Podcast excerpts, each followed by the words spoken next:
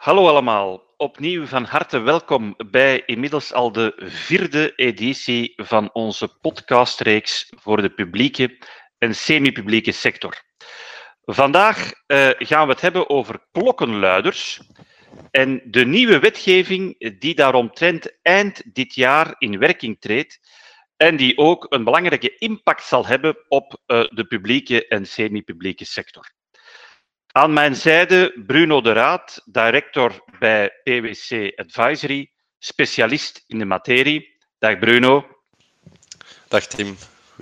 We gaan het dus hebben over de klokkenluidersregeling. Bruno, maar zou je eerst kunnen toelichten wat dat precies is, zo'n klokkenluider? Uh, ja, zeker Tim. Ja, dus eigenlijk een klokkenluider is een persoon die binnen de organisatie bepaalde wantoestanden of misbruiken aan de kaart wilt stellen en, en uh, wilt toelichten aan het management. Dus is dat dan iemand die um, geheime documenten openbaart?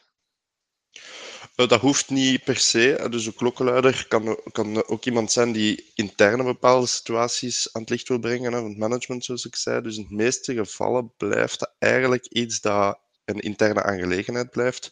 Nu, je hebt wel gevallen zoals Snowden in het verleden. Ik denk dat dat het bekendste geval is.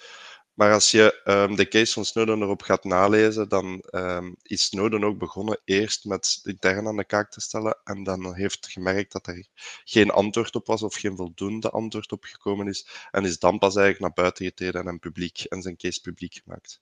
Dus ik zou zeggen, in 99% van de gevallen is het intern. Uh, en ja, ja, en Bruno, dus er is nu nieuwe wetgeving op komst, hè, eh, als gevolg van een, van een Europese richtlijn met betrekking tot die klokkenluiders. En kun je ons bevestigen dat die nieuwe klokkenluiderswetgeving ook relevant is voor de publieke en semi-publieke sector? Ja, dus het is inderdaad wel zo dat die nieuwe wetgeving uh, van toepassing zal zijn op publieke entiteiten en al zeker voor steden en gemeenten met meer dan 10.000 inwoners. Het is eigenlijk belangrijk om te weten dat die nieuwe wetgeving uh, die, uh, vloeit voort uit een Europese richtlijn. En in deze Europese richtlijn zijn er een aantal minimumbepalingen vastgelegd, die ook uiteindelijk in deze Belgische wetgeving zal worden opgenomen. En wanneer moet die nieuwe wetgeving in werking treden? 17 december 2021, dus het einde van dit jaar. Dat is een zeer precieze datum, maar uh, een heel kort dag eigenlijk ook. Absoluut, absoluut. En zijn er al teksten uh, vanuit de Belgische wetgever beschikbaar? Momenteel nog niet. We weten dat ze bezig zijn met het uh, bepalen van, van het kader Belgische wet, van, van de Belgische wet. Maar uh, de Europese richtlijn heeft zelf ook al een aantal uh, minimumbepalingen meegegeven. En er toch wel een heleboel. Ehm, het is misschien nuttig dat ik er toch al een drietal van uitlicht. Um, zo is er de eerste minimumbepaling is dat er strikte deadlines zijn voorzien. De klokkenluider zal binnen de week een een ontvangst krijgen dat zijn melding goed is ontvangen. En een tweede uh, deadline die is meegegeven is dat binnen de drie maanden een update moet gegeven worden aan de klokkenluider over de status van zijn melding. Dus dat is toch wel al heel specifiek. Hè? Ja, dus dat zijn echt wel procedurele waarborgen die ook in, uh, in de richtlijn zitten en die dus ook in de nationale wet moeten worden opgenomen. Klopt. En, en nog een aandachtspunt? Een tweede aandachtspunt is de, de toegankelijkheid voor derde partijen. De meeste klokkenluidersregelingen is, is, zoals ik eerder zei, een interne aangelegenheid. Wel, Europa um, breidt dit uit naar de, alle belanghebbenden.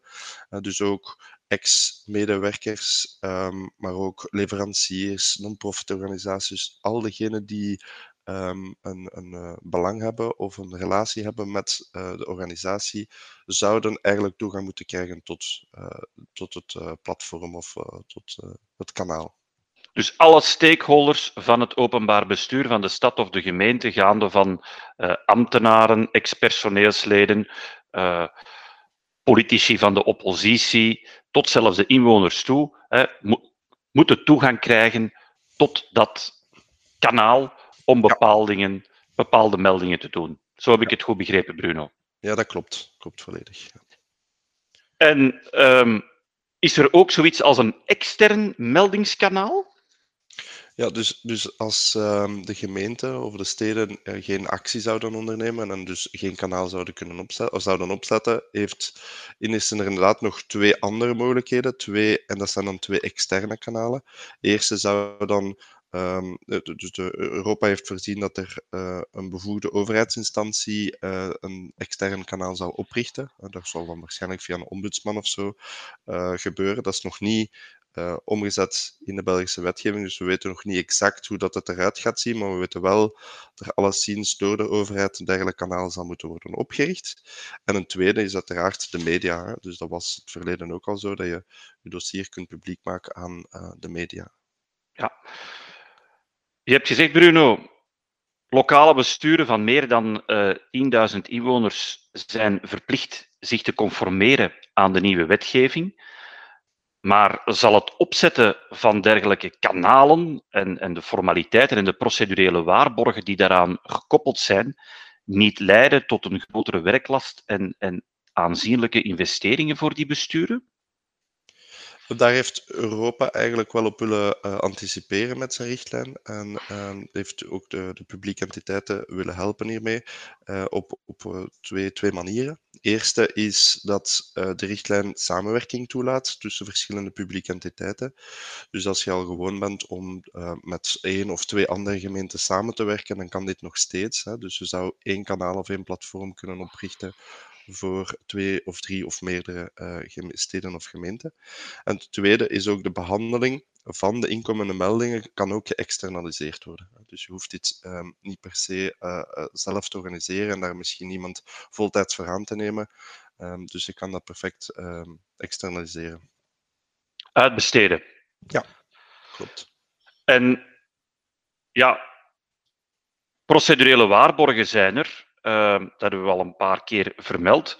Maar ik kan mij voorstellen dat uh, een centraal e-mailadres of een suggestiebox, is dat voldoende? Voldoet dat aan de voorschriften van de nieuwe wetgeving? Strikt genomen uh, is een e-mailadres voldoende, inderdaad. Um, maar het is ook wel zo dat we moeten gaan kijken naar uh, de melders. Um, en een e-mailadres is er toch wel veel wordt er toch wel gezegd van oké, eh, uiteindelijk met de huidige technologie kan via bijvoorbeeld IP-tracing, kan er worden achterhaald wie uh, anoniem heeft gemeld. En daar weerhoudt toch wel veel mensen om toch een melding te gaan doen. Bovendien heeft, zoals ik zei, de, Europese richtlijn toch een aantal minimumbepalingen, zoals die deadlines. Um, je moet ook een auditrail hebben over uh, hele dossier, zowel van de melding als de behandeling. Dus dat brengt met zich mee dat er toch wel wat administratie moet voorzien worden. Uh, en daarom zijn wij eigenlijk, of leggen wij de voorkeur bij online platformen, omdat deze eigenlijk de hele tracé van melding tot uiteindelijke klassering van het dossier um, op, zich, op zich neemt. En wat kunnen wij vanuit PwC doen om de lokale besturen bij te, zet, bij te staan bij de opzet van, de, van die nieuwe regeling en, en bij de behandeling van de meldingen? Well, PwC kan, kan uh, helpen op, op twee vlakken. Enerzijds het opzetten van de klokkenluidersregeling zelf. Dus dan denken we aan de procedures van de behandeling van de melding, een onderzoeksdraaiboek, communicatie en training, uh, om ervoor te zorgen dat de mensen het kanaal vinden of weten wanneer dat ze het kanaal moeten gebruiken. En het, en het opzetten van het kanaal zelf, hè. dus een online platform. En ten, tweede, uh, de nazorg. Hè. Dus, dus eenmaal dat je een klokkenluidersregeling hebt opgezet, um, moet er ook worden, kunnen wij ook instaan voor de behandeling van de melding. En zouden wij ook um, de steden en gemeenten kunnen helpen in behandelen van het of in het uitvoeren van het dossier zelf, van het onderzoek zelf. Uh, en dit kunnen wij uiteraard met ons multidisciplinair team. Dus onafhankelijk van het thema, zullen wij altijd de juiste expertise hebben in huis om, om jullie bij te staan. Veel dank voor deze duidelijke uitleg, Bruno. Ik onthoud dus dat, dat lokale besturen en publieke entiteiten 17 eh, december goed voor ogen moeten houden. De dag waarop uh, die nieuwe klokluidersregeling in werking treedt. Zij dus een meldingskanaal moeten opzetten dat aan de nodige procedurele waarborgen voldoet. We gaan dit op de voet volgen. Want eh, zoals Bruno heeft gezegd, de teksten zijn er nog niet. Maar zodra ze, de teksten er zijn, eh, komen we hier zeker op terug. Graag tot een volgende editie van onze podcastreeks.